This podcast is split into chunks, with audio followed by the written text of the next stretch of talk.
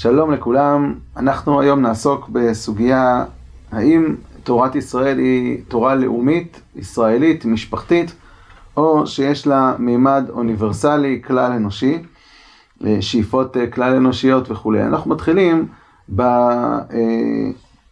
בהצגת החכם המוסלמי, כפי שמציג אותו רבי יהודה הלוי, בסעיפים ה' ו', ושם הוא מתאר כדי לבסס את האמונה שלו, צריך לזכור שבניגוד לנצרות שביססה את המחויבות הדתית על הברית הישנה, על מעמד הר סיני, וטוב, בא נביא ועשה קצת שינויים, אבל בגדול, על הברית הישנה, האסלאם לא ביסס את עצמו על היהדות, ולכן כל המחויבות הדתית באה מתוך מעלת הקוריאן, כן? ספר שירד מן השמיים בנס, וכיוון שהוא ירד מהשמיים בנס, ויש בו חוכמה גדולה, החוכמה הזאת כשלעצמה היא זו שיוצרת את המחויבות של כל אדם לדעת שיש פה את דבר השם והוא מחויב לו. וככה הם אומרים, אנו קובעים שספרנו הוא דיבור אלוהים, והוא בעצמותו נס. אנו חייבים לקבל אותו בגלל עצמותו. כי איש אינו יכול לחבר כדוגמתו או כדוגמת פסוק מפסוקיו. יש בו חוכמה אדירה. באסלאם יש איסור לתרגם את הקוריאן ללשונות אחרים, והסיבה היא משום ש... שאנחנו מפסידים פה את החוכמה, כן? החוכמה, חלק ממנה קשור, קשורה ללשון הערבית. נביאנו חותם הנביאים הוא מבטל כל תורה שקדמה, הוא קורא לכל האומות לקבל את האסלאם. אז יש פה שתי נקודות, אחד נקודת המחויבות זה הקוראן וחוכמתו, שמעיד מכוח החוכמה על הנס ועל דבר השם שיש בו, והדבר השני זה שהאסלאם קורא לכל האומות, מה זה קורא? מחייב את כל האומות לקבל את דת האסלאם. שתי הנקודות הללו הם הסיבה, אחת הסיבות, שהמלך דוחה את האסלאם, והוא כותב כך. אמר הכוזרי, יש פה נקודה קודמת שקשורה בעניין של הנבואה, לא ניכנס אליה היום, אם ספריכם נס, והספר כתוב ערבית, לא ערבי כמוני, לא יבחין בנס שבו ובנפלאותיו. אם יקרא בפניי לא אבדיל בינו לבין דיבור ערבי אחר. הוא אומר יש פה משהו שהוא בעייתי, הרי הספר הזה אמור ליצור מצב שאני, אני הכוזרי מחויב עכשיו לדת האסלאם. כי ירד ספר מן השמיים שמחייב אותי. מצד שני, אני לא יודע לקרוא ערבית, אז אם אני לא יודע לקרוא ערבית, איך אני, איך אני אראה את המחויבות הזאת? לכאורה הדבר הזה הוא מוזר, כי התשובה היא מאוד פשוטה, תלמד ערבית, תלמד ערבית, תדע ערבית, ואז uh, תראה את הספר ותתחייב. אבל המלך לא מתכוון לזה, המלך מתכוון לבעיה תיאולוגית. אם האלוה רצה ליצור דת שהיא אוניברסלית, זאת אומרת היא מחייבת את כל האנושות, ומצד שני הצורה מחייבת היא צורה שתלויה ובנויה על לשון מסוימת ועל אה, אזור מסוים שמסוגל להבין, יש פה סתירה מיניה וביה. אין, לא הגיוני שהאלוה ייצור מחויבות שמראש רוב האנושות לא מסוגלת בכלל לפגוש אותה, ולהגיד שהם מחויבים וגם להרוג אותם על זה. זה דבר שהוא לא הגיוני. אה, בניגוד לזה, אנחנו רואים שבאמת היהדות אה, מכוונת אחרת לגמרי. וככה במקור שלוש כותב הכוזרי בסעיף כ', בסעיף ק', במאמר א', אילו אמר משה, נשלחתי להנחות את כל יושבי תבל, והידיעה על אודותיו לא הייתה מגיעה אל מחציתם, היה בזה פגם בשליחותו, שהרי מטרתו של אלוהים לא הייתה מתקיימת בזאת. מה שהיה מונע שישלים את השליחות, היא שספרו כתוב עברית. והיה נמנע מאנשי סגד והודו, מן הכוזרים, להבין אותו ולנהוג על פיו, אלא אחרי מאות בשנים. אם יקרה להם שישתנו מלהידמות אליהם עקב השתלטות או שכנות, ולא מתוך שראו את הנביא עצמו או נביא אחר שיעד עליו ואישר את תורתו, יאשר את תורתו. אומר, יש פה משהו שמוכיח, אילו משה רבנו היה אומר, אני הורדתי תורה לכל העולם, והתורה כתובה עברית, אף אחד לא יכול, רוב בני אדם, לא מסוגלים בתקופתו בוודאי להצליח אה, לקבל את המחויבות הזאת ולעשות אותה, אז אה, זה עצמו מעיד שהוא לא, לא באמת שליח השם, כי האלוה לא ייצור שליחות שהוא לא יכול לבצע אותה, כן? הוא לא ייצור מצב שהשליח שלו לא יכול לבצע את שליחותו. אבל זה בדיוק העניין, שמשה רבנו נתן תורה שהיא תורה ישראלית, היא תורה שמראש מיועדת לקבוצה מאוד מאוד מסוימת. אנחנו רואים כאן התחלה של פיצול בין השיח המוסלמי שמדבר על אוניברסליות, וזה אחת הסיבות שבגללם הוא נתקע, כי הוא יוצר מחויבות שאומר, אנחנו יכולים לחוות את המחויבות, אבל זה מחייב את כולם, הדבר הזה הוא קשה. גם הנצרות למעשה, שמבוססת על היהדות, בתוקף המחייב את הדת הנוצרית, גם היא אה, הייתה אוניברסלית, היא אומרת מפורש, כמו שבמקור 2, אה, בסעיף ד' באותו מאמר, כל האומות נקראות אל האמונה הזאת, הנצרות, ומצווים להידבק בה ולגדל ורומם את המשיח, גדל את עצו וכולי וכולי. אותה שאלה תישאל, הרי התורה הזאת ניתנה לקבוצה מסוימת, איך פתאום זה אוניברסלי? אה, אז יש פה פער עצום בין שתי הדתות, הנצרות והאסלאם, שמדברות בשפה אוניברסלית, לא רק מדברות בשפה אוניברסלית, גם עשו מלחמות גדולות כדי שהעולם כולו יקבל את דתם.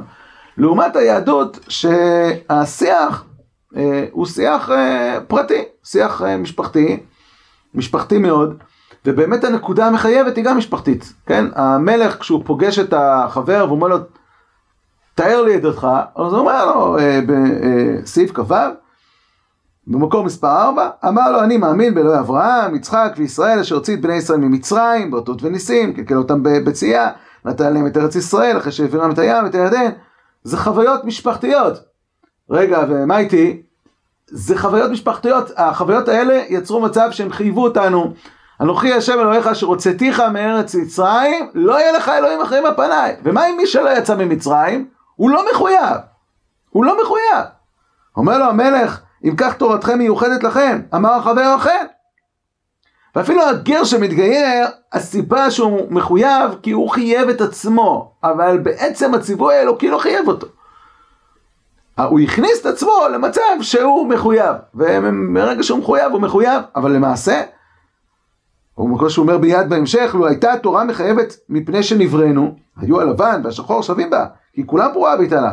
אבל חיוב התורה מפני שהוציאנו ממצרים, יש פה התאמה מוחלטת ביהדות בין צורת המחויבות, שהיא מראש משפחתית, זה ניסים שנעשו למשפחה מסוימת, זו תורה שניתנת לקבוצה מסוימת במעמד של כל אנשי הקבוצה, וזהו, וגם המטרות שלה הן מטרות מאוד מאוד משפחתיות. משה רבנו לא נקרא, או לא אומר שהוא בא לתקן עולם, הוא אומר, אני באתי לתת תורה לעם ישראל, באתי להוציא את עם ישראל ממצרים ולתת להם תורה. וזה מה שהוא עושה, והוא מצליח גם בשליחות שלו, מה שמעיד שהוא אה, שליח השם, הרי אה, לא יכול להיות ששליח השם לא יבצע ולא יצליח בשליחותו. אה, הנקודות הללו חוזרות עוד פעם בק"ב, ק"ג, במאמר א', לא נקרא את זה, אבל אה, אה, שם הוא מדגיש את הדברים שוב. לכאורה, מה הסיבה שהדתות האחרות הלכו לפן האוניברסלי? טוב, אפשר להגיד שזה מסיבות פוליטיות, אה, תוקפניות וכולי, אבל אפשר גם לומר, כמו שהמלך בעצמו אומר, בסעיף קא, בסעיף קב, הוא אומר, מדוע לא הייתה הנחיה לכל, שהרי זה ראוי כלפי, על פי החוכמה. כלומר, במילים אחרות, אומר המלך, אני הייתי מצפה שאם יש משהו שהוא טוב, משהו שהוא מוסרי, משהו שהוא כל כך נעלה, אז למה שהוא לא באמת יהיה לכל האנושות? מה ההיגיון שהתורה תינתן באמת רק לקבוצה מאוד מסוימת? זה מה שעומד אולי ביסוד של הנצרות והאסלאם. אם הדת שלנו היא אמיתית, היא אמורה להיות לכלל האנושות. כי דבר טוב כזה אמור לרדת לכל האנושות. אז זאת התפיסה שהיא נראית פשוטה, ובאמת עולה השאלה, למה באמת היהדות היא לא לכלל האנושות? אם זה כל כך טוב. אה, אבל יש הרבה תימוכין לכיוון הזה של רבי יהודה הלוי, שאומר התורה היא ישראלית נטו. קודם כל, מתוך, מתוך, אה, מתוך התורה עצמה. הרי הסיפור של התורה הוא סיפור שהוא כולו ישראלי. אצל רבי יהודה הלוי אפילו שתי הפרשות הראשונות, פרשת בראשית ופרשת נוח, הן פרשות ישראליות נטו. התורה לא מספרת אלא על מי שיצא מהם בסופו של דבר עם ישראל. כמו שאומר אה, רבי יהודה הלוי, מהאלוהים, כן? מי שבעלי הקוד הגנטי הישראלי, שבסוף ישראל יצאו מהם. אבל כל מי שלא, ויולד בנים ובנות, ויולד בנים ובנות, התורה לא מספרת עליהם. התורה עושה זום אין, זום אין, זום אין, עד שמגיע לאברהם, יצחק, יעקב, אין uh, התעסקות בכל השאר. זאת אומרת, הסיפור התורתי הוא סיפור ישראלי נטו, זה מצד הסיפור. גם מצד המצוות, לדוגמה, חגים. החגים שלנו הם ישראלים לחלוטין, מה הכוונה ישראלים? הכל זה, זה, אנחנו חוגגים אירועים שהם אירועים משפחתיים, הם לא, הם לא עולמיים, נפקא מינה, אם עכשיו מגיע מישהו מבחוץ, מה אני קשור לסיפור של יציאת מצרים, הוא יושב בליל הסדר, איך הוא קשור? אנחנו מבינים גם את הקושי של הגר, כן? הוא מגיע מבחוץ, תכף נראה את זה גם בעולם ההלכה, את המתח הזה, אבל אנחנו מבינים שלמעשה כל עולם עבודת השם הוא, הוא סביב אירועים משפחתיים שלנו כמשפחה, הוא בכלל לא אה, אנוש, כלל אנושים. גם המצוות עצמם, המצוות עצמם חלקם הגדול קשור באקלים הישראלי של ארץ ישראל, זאת אומרת שמי שלא גר פה, אז המצוות לא כל כך מסתדרות עם אה, כל ה, אה, עם המקומות שבו הוא חי, כן? מראש אתה אומר שהמצוות ניתנות למי שהולך לשבת בארץ מאוד מאוד מסוימת. וחלק מהמצוות גם באות לתאר קשר מאוד אינטימי בין עם ישראל לבין הקדוש ברוך הוא, ביני ובין בני ישראל עוד תהי לעולם השבת, שהיא מצווה מאוד מאוד יסודית, כן? אין פה משהו, אה, הייתי יכול לקחת את השבת למקום הכלל עולמי וכולי וכולי, בריאת העולם, אומרת התורה עוד תהי ביני ובין בני ישראל, משהו מאוד מאוד משפחתי, עוד, עוד uh, לקשר, לעצם הקשר, אז, אז התורה מדברת בשפה ולא רק בשפה, אלא בעולם שלם של תרבות ושל מצוות שהן מאוד מאוד משפחתיות. עד כדי כך הדבר הזה הוא חזק, שזה מעלה סימן שאלה על מי שנכנס פנימה ועשה צעד מאוד קשה ולא פשוט, הגר שמתגייר. מה הוא עושה עם המשפחתיות הזאת שנמצאת בתוך עולם המצוות? אז הנה הוא בא ומביא ביקורים, ובביקורים כתוב ארמי עובד אבי וירד מצרים ויגר שם ומתן מעט, איפה הוא בסיפור? אז המשנה בביקורים אומרת, אלו מביאים ולא קוראים. הגר מביא ואינו קורא, שאינו יכול לומר שנשבע השם לאבותינו, לתת לנו, איך הוא יגיד את זה? וכשהיה מתפלל בינו ובין עצמו, וכשהוא מתפלל בינו ובין עצמו הוא אומר אלוהי אבות ישראל, או אלוהי אבותיכם. רבנו תם, כפי שמופיע בתוספות, באמת פסק ככה, שהוא לא נתן לגר לעשות זימון. הוא אומר, אתה לא יכול להוציא אותנו ידי חובה, אתה אומר אלוקיכם ואלוקי אבותיכם, אתה לא אומר אלוקינו ואלוקי אבותינו, כי זה לא אבותיך. אמנם, הירושלמי מביא שיטת רבי יהודה, במקור מספר 6, שגר מביא וקורא, הסיבה היא משום ש... אבותיה, אבות, אברהם יצחק ויעקב נקראים אבותיו, כי אב המון גויים נתתיך. כלומר, מי שבא ומתגייר, הוא נכנס בכלל ישראל כאילו אה, בנו של אברהם אבינו, ולכן במובן הזה הוא יכול להגיד אלוקינו ואלוקי אבותינו, וכולי וכולי. אה, להלכה, הרמב"ם פוסק אה, ככה, וככה גם השולחן ערוך הלכה למעשה, גם בהלכות אה, אה, שליח ציבור וגם בהלכות זימון. אבל אפילו הרמב"ם, שממש מעריך בזה גם באיגרת לרבי עובדיה הגר, עד כמה באמת הוא, הוא בנו של אברהם אבינו, ולכן אלוקינו ואלוקי אבותינו, הוא יכול להגיד, וכולי וכולי. גם הוא בהלכות מעשר שני, אומר, ישראל וממזירים מתוודים, עושים וידוי אה, מעשרות. אבל לא גרים ועבדים משוחררים, למה? מפני שאין להם חלק בארץ. תחשוב על גר, מגיע, והארץ מחולקת לפי נחלות, אין לו חלק בארץ. והוא לא יכול להגיד במעשר, בווידוי מעשר שני, ואת האדמה שנתת לנו. כי זה אה, אה, הובטח, ארץ זבת חלב ודבש, הובטחה רק ליוצאי מצרים, אז אולי הוא בנו של אברהם, יצחק ויעקב, אבל יוצאי מצרים קיבלו ארץ זבת חלב ודבש, זה לא הובטח לעבוד, והוא לא מיוצאי מצרים, וגם אין אה, לו חלק מהחלב בארץ. הדבר הזה רק מראה עד כמה אפילו מי שעשה את הצעד המפליא הזה של גיור, ואהבתם את הגר, גם הוא נמצא עכשיו באיזה מין מתח, כי המצוות הן מאוד מאוד משפחתיות. אה, כל שכן וכל שכן ביחס לגויים. אז התורה היא מאוד מאוד אישית, מאוד מאוד משפחתית. אנחנו יכולים לבוא ולהגיד לאומות, היום זה מאוד מאוד נוח, כן? אנחנו דת מאוד מאוד סבלנית, אין לנו שאיפות אוניברסליות, לא באנו לייעד את העולם, אין מסעות צלב, אין אינקוויזיציות, אין ג'יהאד, אנחנו דת, דת סבלנית, כן, לא, אין לנו עניין אה, אה, להפך, מישהו רוצה להיכנס פנימה, אנחנו, אנחנו עושים הרבה צעדים אה, קשים עד שהוא ייכנס. למה? כי אנחנו אין לנו עניין, אין לנו עניין. נפלא, מאוד מאוד סבלנית. אבל אי אפשר לבטל את זה שיש בתוך עולם התורה שלנו שאיפות אוניברסליות. למשל, בזמן בניית המקדש הראשון, אז אחרי שנבנה, שלמה המלך מתפלל, והוא מתחיל כמובן בעם ישראל וכולי וכולי, אבל אז הוא ממשיך. וגם אל הנוכרי אשר לא מעמך ישראל הוא, ובא מארץ רחוקה למען שמך. כי ישמעון את שמך הגדול וידתך חזקה וזרועך נטויה, ובא והתפלל אל הבית הזה, אתה תשמע השמיים מכון שבטך. ועשית ככל אשר יקרא לך נוכרי למען ידעון כל עמי הארץ את שמך, ליראה אותך כעמך ישראל. סליחה, את מי זה מעניין? מה מעניין אותך גויים? התורה ניתנה לישראל, מה אתה מתפלל עכשיו על הנוכרי? ויותר מזה, מה אתה מתפלל? שהקדוש ברוך הוא יענה לו, למה? כדי שהוא ידע את שמך, למה הוא צריך לדעת את שמו? התורה לא ניתנה לו בכלל, הוא לא היה במעמד הר מה אתה רוצה מהחיים שלו בכלל? הרמב"ם, במצוות עשה התשיעית, שהיא המצווה לקדש את השם, מגדיר מהי המצווה, במקום מספר 12. המצווה התשיעית היא שצווינו לקדש השם ואומרו מקדשתי בתור בני ישראל, ועניין זאת המצווה שאנו מצווים, לפרסם האמונה הזאת אמיתית בעולם. מה תוכן המצווה של מצוות קידוש השם? שתפרסם את האמונה בעולם. ואז הוא ממשיך ואומר, בא אליך עכשיו גוי, והוא מעמיד אותך במצב פיקוח נפש, ואתה עכשיו או לעשות את זה, אומר לך, אני, הרי אתה לא משנה את האמונה שלך בלב, מה אכפת, לה, מה אכפת לך להגיד ל, ל, ל, ליהודי, לך תעשה את מה שהוא אומר, הרי אתה מאמין, אתה לא באמת, אה, אומר אבל לא, חשוב שהגוי ידע, לא שאתה תדע, שהגוי ידע שאתה מאמין, והאמונה שלך כל כך חזוקה שאתה תמסור את הנפש שלך עליה. למה? כדי שהוא יכיר באלוהי ישראל. אף על פי שבא עלינו מכריח גובר ויבקש ממנו לכפור בו יתעלה, לא נשמע ממנו, אבל נמסור עצמנו למיטה, ולא נטעהו לחשוב שכפרנו אף על פי שליבנו מאמין בו יתעלה. זאת היא מצוות קידוש השם שמצווים בה בני ישראל בכללם, רוצה לומר מסירת נפשנו למות ביד האונס, על אהבתו יתברך ואמונת ייחודו. ואז הוא מביא את הסיפור של נבוכדנצר, וחניה של ועזריה, כן, שהתגלה ברבים בעת ההיא, כל אומות העולם הכירו, תפרסמו וחזקו האמונה וקדשו את השם ברבים. מה הקשר לאומות העולם? את מי זה מעניין? התורה ניתנה לישראל. והרמב"ם במצוות עשה השלישית, מצוות האהבה, גם כן מגדיר, ואומר, מה, מה זה לאהוב?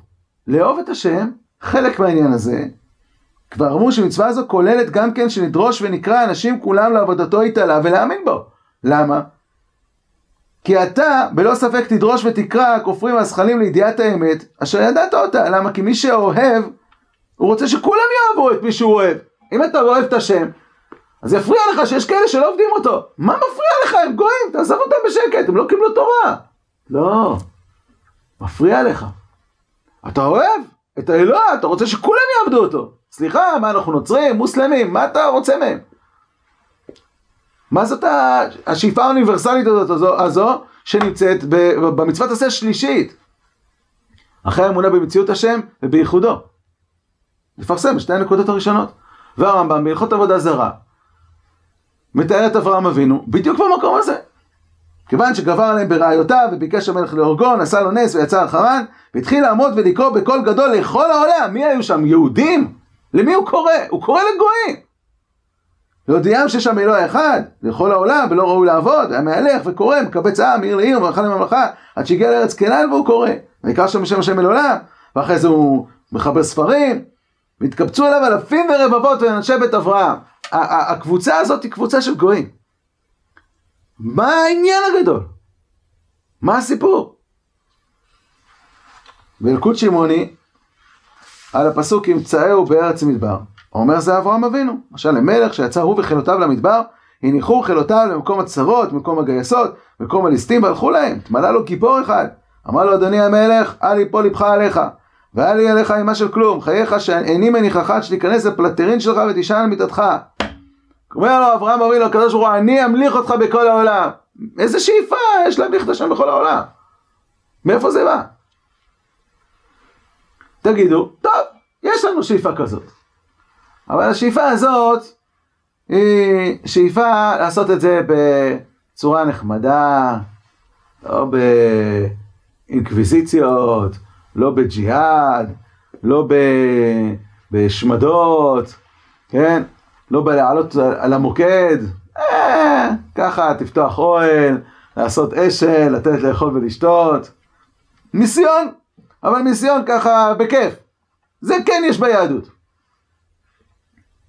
הרמב"ם כותב במורה נבוכים, שאברהם אבינו עשה את זה כי הוא היה יחיד ולא היה בכוחו לעשות את זה בכוח הזרוע. וברגע שהגיע משה, אז עלינו כשלב. וכך הוא כותב במורה, ג' כ"ט, כבר ביארנו בחיבורנו הגדול משנה תורה שאברהם אבינו עליו השלום החל לסתור אלה הדעות. דיבר שם על העבודה זרה, בטענות וקריאה חלושה, ובפיוס בני אדם, ומשך את ליבם לעבודת השם בהטיבו להם. עד שבא אדון הנביאים והשלים הכוונה, וציווה להרוג הכופרים ההם ולמחות זכרם, ולשרשם מארץ החיים. יש דיון באחרונים, האם יש עניין בעם ישראל רק להשמיד את העמים שנמצאים בארץ שהם עובדי עבודה זרה, כי הם יכולים להזיק לנו באמונתנו, כל מי שנמצא תחת ידינו, או שיש איזשהו, איזשהו עניין שבכל מקום שידנו תקיפה ואנחנו יכולים לעשות את זה, אנחנו נמחה את העבודה זרה.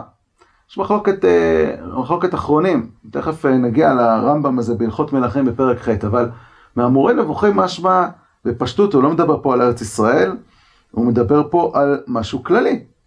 אדון הנביאים ציווה להשלים הכוונה ולהרוג הכופרים ההם ולמחות את זכרם ולשרשם מארץ החיים כי תורתנו כולה שורשה וכותבה אשר עליו תיסוב היא למחות הדעות ההם מן הלבבות וזוכרה מן המציאות.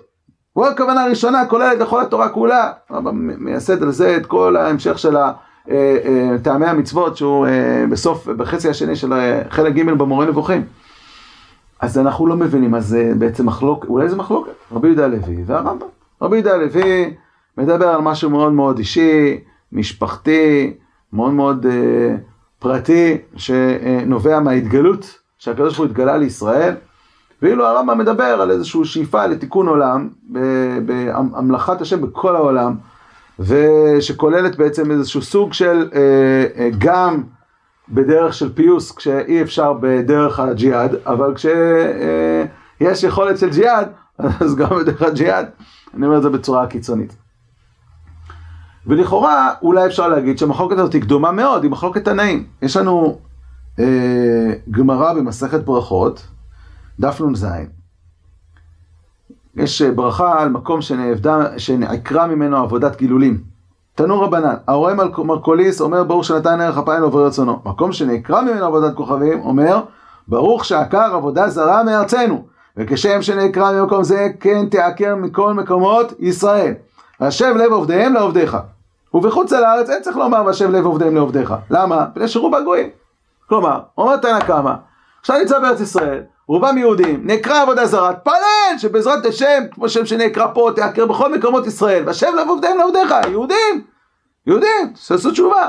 אתה נמצא בחו"ל, כולם גויים, מה יש לך להתפלל והשב לב עובדיהם לעובדיך? מה, לא עניין שלנו בכלל. אומר אה, על זה רבי שמעון בן אלעזר, לא, אף בחוץ לארץ צריך לומר כן. למה? בגלל היהודים שנמצאים שם? לא. מפני שעתידים להתגייר, שנאמר, אז אהפוך אל עמים שפה ברורה. לכאורה, יש לנו פה מחלוקת תנאים. יש לנו תנא קמא שבא ואומר, תשמע, חביבי, גויים שעובדי עבודה זרה, זה לא מעניין אותך. אתה לא מתפלל על זה, אתה לא מברך, אתה לא מברך על זה. אומר לו רבי שמעון בן אלעזר, לא נכון. יש לנו עניין אוניברסלי. היהדות היא אוניברסלית, יש לה שאיפה לתקן עולם במלכות של די. אבל קשה להגיד שיש בדבר הזה מחלוקת, כי הרי, כפי שאמרנו, אנחנו מצאנו, יש לנו ודאי צדדים שהם צדדים לאומיים לחלוטין בתורה, הרי דיברנו על זה בהתחלה. מצד שני, יש לנו גם צדדים אה, שאיפות לכלל עולמיות, ואנחנו מוצאים אותם בנביאים, אנחנו מוצאים אותם בתפילות שלנו, חז"ל תקנו אותם בתפילה, וידע כל פעול כי אתה פעלתו, והבין כל יצור כי אתה יצרתו. עלינו שבח, כן נקווה לך, ולראות מרב ותפארת עוזך, ואוויר גלולים מנה, וכולי וכולי. מה זה? הרי יש מישהו שחולק על זה, אז, אז צריך להבין את זה.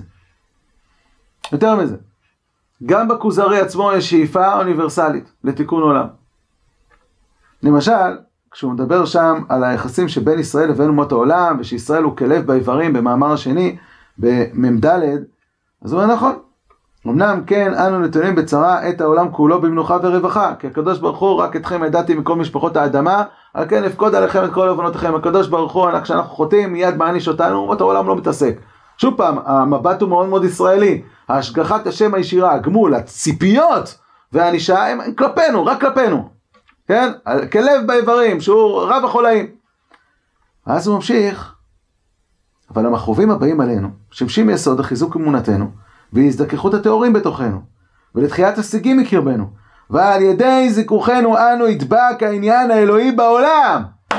אז העניין האלוהי שכל הספר מדבר על זה שעניינו רק בישראל, רק, רק על ידינו יכול לחול העניין האלוהי, על ידי קיום מצוות שלנו, על ידי עבודת השם שלנו, אבל המטרה של, ה, של כל הסיפור הזה זה שידבק העניין האלוהי בעולם, זה שכל האומות יעלו. ורבי יהודה הלוי במאמר, במאמר אה, רביעי, כשהוא מדבר על הגלות, יש כמה מטרות לגלות. אחת המטרות שכותב רבי יהודה הלוי על הגלות, המטרות האלוהיות, אנחנו צריכים לתקות מההישגים שלנו, ובמקביל הקדוש ברוך הוא גם עושה פעולה. מה הפעולה? פיזר אותנו בעולם, והמטרה היא שבסופו של דבר הדבר הזה ייצור השפעה, כמו שאומר רבי יהודה הלוי, כדי שבסופו של דבר אומות העולם לאט לאט יתקרבו לישראל, עד שכשיחזרו ישראל לארצם ויבוא משיח, כבר כולם יצטרפו למהלך הישראלי, כמו שהוא מתאר בד' כ"ג. והוא אומר שהדתות הללו הם ביטוי לזה שהיו כולם עובדי עבודה זרה, הפכו להיות דתות, נצרות, אסלאם, מתקרבים אלינו. הדתות האלה הם איפה רק הכנה והקדמה למשיח המיוחד, שהוא הפרי, באחרית ימיו, ועודותן בו תהיינה הן פריו ויהיה עץ כולו אחד. מה, מה פתאום עץ אחד? אנחנו דיברנו בתחילת הספר, מאמר ראשון, התורה ניתנה לישראל, לישראל, כל המחויבות הדתית היא מחויבות דתית של ישראל, התורה והמצוות הן שפה ישראלית לחלוטין. מה פתאום והיה עץ אחד? מה, מאיפה זה הגיע? אז הדבר הזה צריך ביור. הבאתי לכם את הרמב"ם בהלכות מלכים פרק י"א שמעתיק את דברי רבי יהודה הלוי בשפה שלו ביחס לנצרות והאסלאם שמכנה למלך המשיח. אז האמת שמי שעושה את ההבחנה ואת הדיוק בדברים הללו זה הרמב"ם בהלכות מלכים שבתוך ההלכות פרק ח' מגדיר היטב מה היחסים שבין ישראל לבין אומות העולם בכל הסוגיה של תורה ומצוות. וככה הוא כותב במקור 21. עיר שהשלימה, אין כורתים להם ברית עד שיכפרו, כן, הלכת לעיר לצור עליה, עושים שלום, אנחנו מרימים ידיים, מוציאים דגל לבן. אומר הרמב"ם, זה לא פותר את החרטת העם הזה, אלא אם כן, עד שיכפרו בעבודה זרה, ויאבדו את כל מקומותיה, ויקבלו שאר מצוות שנצטוו בני נוח. שכל עכו"ם שלא קיבל מצוות שנצטוו בני נוח, הורגים אותו ישנו תחת ידינו. יש לך עיר שנמצאת תחת ידך, יש עם שנמצא תחת ידך, אז הציווי התורתי הוא שאתה מחייב אותו בשבע מצוות בני נוח. שבע מצוות בני נוח זה איסור עבודה זרה, ולהיות אדם נורמטיבי. אדם נורמטיבי שלא רוצח ולא גוזל ולא נואף, ומקים בתי, אה, בתי משפט ש, ש, אה, שמטפלים בחברה, שתהיה חברה צודקת, זה החיוב, להיות בן אדם טוב. מה לגבי תורה ומצוות? מה לגבי תרי"ג מצוות? אומר הרמב"ם, משה רבנו לא הנחיל התורה והמצוות אלא לישראל. הנה לנו שפה אה, כוזרית ברמב"ם, התורה והמצוות הן לישראל. שנאמר מורשה קהילת יעקב, ולכל הרוצה להתגייר משאר האומות, שנאמר ככם כגר. אבל מי שלא רוצה, אין כופים אותו לקבל תורה ומצוות. אנחנו לא, אין אצלנו ג'יהאד של כפיות, כפיית מצוות וכפיית היהדות. אין דבר כזה. אין שאיפה כזאת בכלל. הדת שלנו היא דת משפחתית, היא לא עולמית, היא לא כלל אנושית. לכן ציווה משה רבנו מפי הקבורה. לקוף את כל באי עולם לקבל מצוות שנצטוו בני נוח. מי שלא יקבל ייהרג. המקבל אותם הוא הנקרא גר תושב בכל מקום וצריך לקבל עליו את, אה, בפני שלושה חברים, וכל המקבל עליו למול ועברו עליו 12 חודש ולומר הרי הם אה, כמו באומות, לא ניכנס. וכל המקבל שם המצוות ונזהר לעשותם, הרי זה מחסידי אומות העולם ויש לו חלק עולם הבא, והוא שיקבל אותם ויעשה אותם מפני שצווה, או מפני שציווה בהן הקדוש ברוך הוא בתורה, והודיענו על ידי משה רבנו שבני נוח מקודם הצטוו בהן, כן, הוא רוצה לזכות לחיי העולם הבא, אם הוא עושה את זה מתוך הציווי התורתי שמשה ציווה אותו בתורה לקיים שם מצוות בני נוח. כלומר, הוא מאמין באלוהי ישראל. ואחרי האמונה באלוהי ישראל, הוא בעצם מתחייב במצוות שלו, שם מצוות בני נוח, יש לו חלק עולם הבא. מחסידי אומות העולם. אבל אם עשה מפרי הכרח הדעת, סתם הוא אדם טוב, זאת אומרת למה הוא לא גוזל, למה הוא לא רוצח, למה הוא לא שודד, למה הוא מקים בתי דינים? כי הוא אדם נורמטיבי, לא בגלל שהוא הצטווה על ידי אה, אלוהי ישראל, הוא לא מאמין באלוהי ישראל, לפחות הוא כופר. אין זה גר תושב, ואינו מחסידי אומות העולם, אלא, לפי הגרסה המדויקת, אלא מחכמיהם. עכשיו עולה שאלה באחרונים, האם אותו אחד שהוא מקיים שם המצוות בני נוח, לא מכוח תורת משה, הוא לא, הוא לא מאמין בדת ישראל, האם אותו, אנחנו יכולים, אה, אנחנו צריכים עדיין להרוג אותו, זה שהוא מחמם, עדיין צריכים להרוג אותו, או שאנחנו לא הורגים אותו, הנטייה של רוב האחרונים היא שאנחנו לא הורגים אותו, אבל מבחינת השהייה בארץ ישראל כגר תושב הוא לא יכול לקבל גרות אה, תושבות. גר תושבות צריך להיות אדם ששותף איתנו בקולקטיב של האמונה שלנו, והוא עושה את המצוות שהוא מחויב להם. אבל מה, מה בעצם יוצא מהרמב"ם? יוצא מהרמב"ם, אה, אה, אפשר לקרוא לזה שלוש רמות וחלוקות. יש פה למעשה אמירה ראשונית כוזרית ברמב"ם. התרי"ג המצוות והתורה הם רק לישראל. אין שאיפה, אין ציווי לייעד את העולם. אין דבר כזה. זו נקודה ראשונה. נקודה שנייה, יש לנו שאיפה שהאמונה באלוהי ישראל תהיה אוניברסלית. לא קיום מצוות, האמונה באלוהי ישראל, כשאיפה. האם השאיפה הזאת, יש לה ביטוי ברמה של כפייה בכל העולם, או בכל מקום שידינו מגעת, או שאין כפייה, אלא הכפייה היא רק להיות אדם נורמטיבי, וכל עוד שאדם הוא לא נורמטיבי, אז יש לנו כפייה עליו, זה מחלוקת אחרונים. אבל זה המחלוקת איך אנחנו אמורים להתנהג, האם אנחנו אמורים במה שתחת ידינו גם לעשות איזשהו מימד של כפייה או לא. אמרתי שמאמרים נבוכים משמע דווקא כמו הקו המחמיר בעניין הזה. אבל בעצם אומר הרמב"ם, מה השאיפה האוניברסלית הישראלית? היא לא לייהד, היא לא לכפות מצוות. כן יש לנו שאיפה אוניברסלית, בוודאי ברמת הללמד, בוודאי ברמת ההשפעה, להגיע למצב שכל העולם כולו יכיר ביסודות האמונה של אלוהי ישראל, ומה שזה מחייב אותם מבחינת התביעות המוסריות הבסיסיות להיות בן אנוש.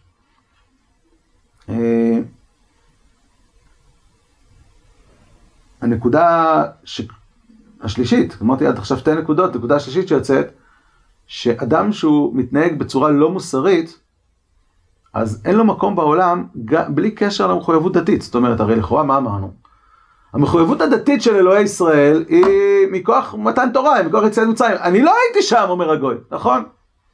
אתה לא היית שם. לכן אני לא יכול אולי לבוא ולכפות אותך על זה. אבל אם אתה רוצח ושודד וגוזל, אני אעניש אותך עדיין. למה? מה מחייב אותי? שום דבר לא מחייב אותך מבחינה אלוהית. מה שמחייב אותך זה היותך בן אנוש. זה מה שכותב הרמב"ן בסוף דרשת תורת השם תמימה. ואמר אחר כך סיפור נוח הצדיק ופירש שכמה שנים היה מבול מן היצירה, והוא צריך גם כן להודיע כי על עוון האריות והשחטת דרכם נענשו. איך נענשו? הרי בכלל לא ניתנה תורה. ועל דעת רבותינו כבר היו מצווים, אפי חז"ל, השם המצוות בני נוח כבר מהאדם הראשון. ועל דרך הפשט, אלו המצוות שכליות הן, וכל נברא המכיר את בורו צריך להיזהר בהן, כמו שאמר אברהם ושמרו דרך השם לעשות כמה משפט, ואף על פי שלא נאמר בפירוש. זאת אומרת, וככה גם הרמב"ן בסוף פרשת בראשית, וככה גם הרמב"ם במורה נבוכים, ג' י"ז, אומר שצדק, להתנהל בצדק זה חובה מוסרית אנושית, לא צריך להיות, להיות אדם מאמין בשביל זה, ואתה תיענש על זה, אתה לא יכול להגיד, שמע, אני לא הייתי בהתגלות, אז זה לא מחייב אותי. בעצם יש לנו פה אה, שלוש רמות, אם אפשר לומר, לדעת רוב האחרונים, אה, אם אנחנו מסכמים את המהלך הזה שיוצא, יהדות זה משהו ישראלי נטו. חוב חיוב תורה ומצוות. למה? או בגלל שהמטרה של התורה זה להנכיח את השכינה בעולם, וזה משהו שהוא ישראלי, כמו שאומר רבי יהודה הלוי, או בגלל שמטרת התורה זה לתת מתן דעות נכונות, ומוסר, ותיקון חברתי, ואף על פי כן, התורה לא ציוותה את כל העולם, היא ציוותה קבוצה מסוימת, ושהמטרה אה, שלה זה שהם יפרסמו את זה בעולם, ומי שישמע וירצה, ייקח את זה. אז זה ביחס לתרי"ג מצוות. מדרגה שנייה, יש לנו כן שתי אמירות אוניברסליות. אמירה אחת אוניברסלית, אוניברסלית, יש לנו תביעה ואפילו מחויבות דתית כלפינו לחייב כל מי שאנחנו יכולים לחייב, הוא שנמצא תחת ידינו, להיות בן אדם. למה? כי זה מחייב אותו לא מכוח תורה ולא מכוח אלוה, מתוך היותו בן אדם. ואנחנו נעניש אותו על זה אם הוא נמצא תחת ידינו, ויש לנו חובה דתית לעשות את זה. שתיים, יש לנו שאיפה לפחות, שאיפה אה, אוניברסלית, שהעולם כולו יכיר באמונה ובתביעה המוסרית הכללית שטובה, אה, אה, שנתבעת ממנו מצד אלוהי ישראל, לא מכוח זה שהם היו במתן תורה, אלא מתוך זה שהם השתכנעו לכך, על ידי לימוד. עכשיו פה יש אולי חלוקה בין אה, רבי יהודה הלוי לבין הרמב"ם. הרמב"ם אומר, תלמד, תשפיע, קידוש שם השם. אתה תעשה את זה בכל מיני צורות, אבל המטרה היא לפרסם את האמונה הזאת בעולם, כמו שעשה אברהם אבינו.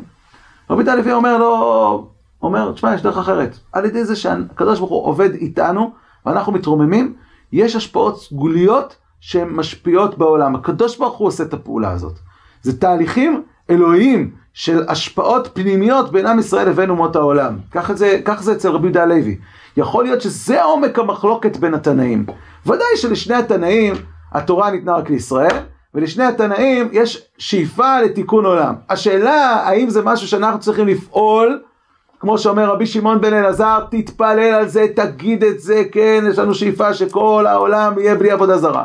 כמו שאמרת נקמה, אנחנו עובדים על עצמנו.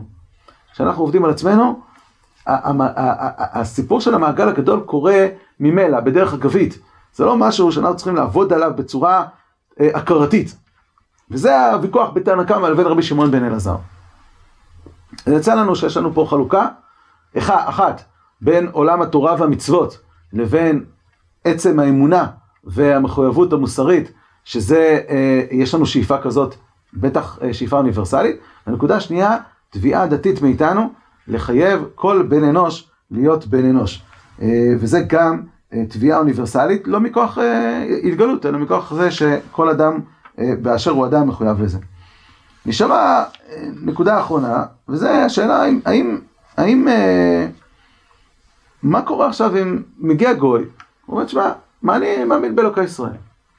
שבע מצוות בעיני נוח, סגור. מה אתה עכשיו אומר לי כיהודי? האם נכון ש... שאני אתגייר? גר צדק. או שאני אשאר בשבע מצוות בעיני נוח שלי. עזוב, אני לא מחויב. אתה גם לא מחויב לגייר אותי. להפך, אתה אמור לתת לי אולי אפילו קשיים כדי שאני... האם הקשיים זה רק כדי לראות האם אתה גר צדק או לא גר צדק, יש לך איזשהו עניין, לכן אנחנו מערימים עליך קשיים, או שאנחנו מעדיפים שיהיו גויים טובים שמקיימים שבת זאת בעינינו, חסידי אומות העולם, מכוח תורת משה, ולא, אין לנו, ולאו דווקא שיתגיירו, ושיהיו חלק בעם ישראל. אין, אין עניין כזה, להפך, יש עניין שיהיו גויים טובים. הרב אליהו בן המוזג נקט כמו העמדה השנייה, שאין לנו שאיפה כזאת. זאת אומרת, השאיפה שלנו, המבנה האידיאלי, זה המבנה שישראל שחייבים בכל תרי"ג מצוות, ואומות העולם שחייבים בשביל עצות בני נוער, כוח תורת משה. ומתוך אמונת ישראל, אם, זה, זה המבנה של משיח. אם יהיה עכשיו אומה מסוימת שמתוך תרי"ג מצוות תיקח על עצמה איזשהו משהו אה, נוסף, בסדר, אבל לא מתוך זה שמקבלים על עצמם את כל התורה כולה. למה? אחרי שראינו את המוסר הנוצרי מול המוסר היהודי, אנחנו גם מבינים למה. כי, כי השאיפה הזאת היא יכולה להפיל את הכל, היא לא נכונה. אנחנו רואים אפילו בתוך עם ישראל שיש מעגלים מעגלים. וככל שהרמה והדרישה המוסרית עולה, הדרישה הדתית עולה, הדרישה הרוחנית עולה, אז זה מתאים לקבוצה קטנה יותר, והקבוצה הקטנה יותר משפיעה על הכל. וזה המבנה הלכאורה כרגע אולי השלם. יכול להיות שיש אולי איזו שאיפה גבוהה יותר, אבל בגדול, כעמדת יסוד, זה עמדת היסוד, זה מה שאומר הרב אליהו בן המוזג, הוא אומר שזו הייתה הטעות של הנצרות. אם הנצרות הייתה לוקחת את היהדות ואומרת יש ישראל, אנחנו לא מוחקים אותה, אנחנו לא מוחקים את היהדות. אנחנו מציעים לעולם אמונה, שאמונת ישראל עם מה שנקרא light. אמונת ישראל light לא כתחליף לישראל, אלא כמעגל שני לישראל. עם שבע מצוות בני נוח. לא עם אמירה שאנחנו יותר גבוהים, שאנחנו יותר מוסריים, להפך, מתוך זה שיש מעגל שני. הנצרות הייתה עושה את תפקידה, והיא הייתה גם מצליחה. היא הייתה מצליחה, היא הייתה מנכיחה בלבבות של עובדי עבודה זרה את אמ-, אמונת ישראל ואת הדרישה להיות אנשים מוסריים. הטעות הגדולה של הנצרות, שהיא רצתה להחליף את היהדות, למחוק את הקומה הגבוהה יותר, ואז להציע את עצמה כגבוהה יותר מזה, וממילא בסופו של דבר אה, אה, הכל קרס.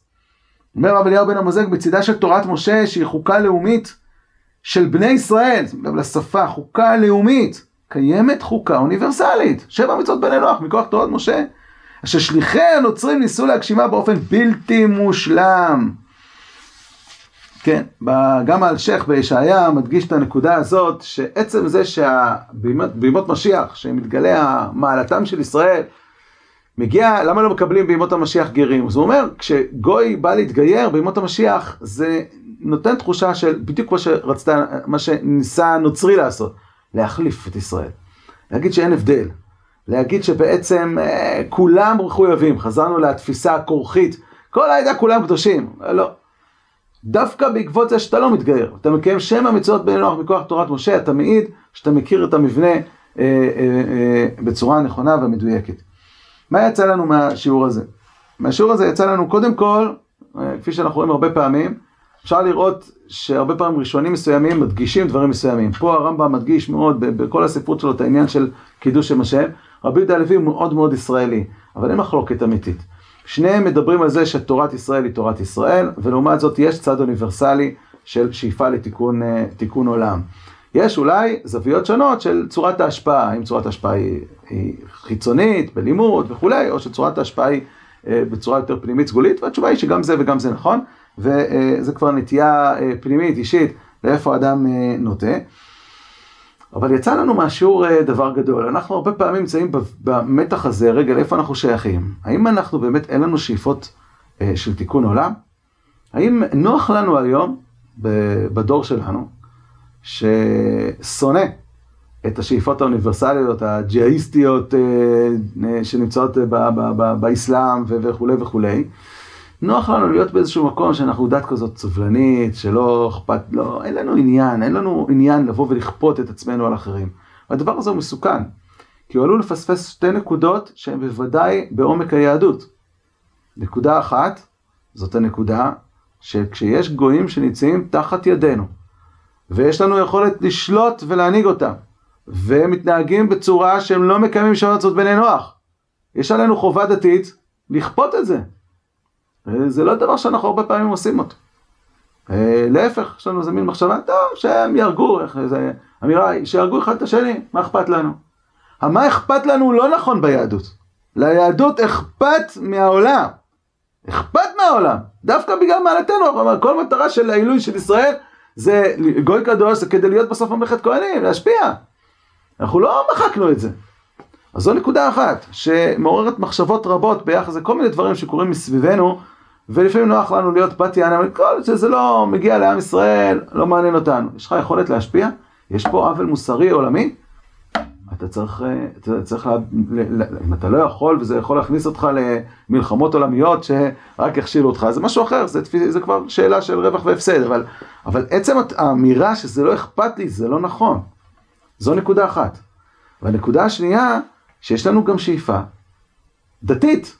כלל אנושית, לא במובן של ייהוד, אבל בהחלט במובן של אה, שיכירו כל העולם באלוהי ישראל, ושיקבלו על עצמם שם מצוות בני נוח מכוח תורת משה. אלה הם שתי נקודות, ושיקרא את הנביאים, יראה שהנביאים עוסקים הרבה בשתי הנקודות הללו ביחס לכלל האנושות. יש נביאים שהתנבאו הרבה נבואות על אומות העולם, זאת אומרת, מה יש להם עם אומות העולם? זה, זה היסוד, שתי היסודות שאמרנו עכשיו. אה, ואנחנו צריכים לשאול את עצמנו, איפה אהבת השם נמצאת בתוך החיים שלנו, הפרטיים.